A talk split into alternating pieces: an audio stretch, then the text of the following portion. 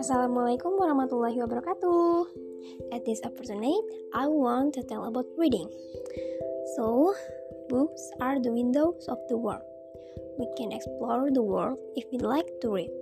Whatever your future goals, if you don't like reading, it will be difficult to achieve.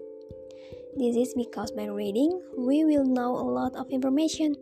We can enrich our knowledge of anything and we become more understanding about new things. By reading, I can write.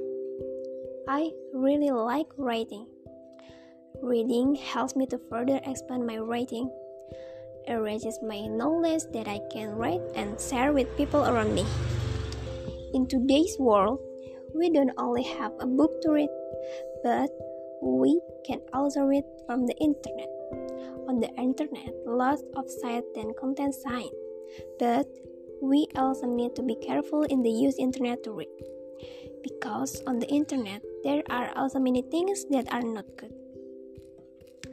Um, do you know?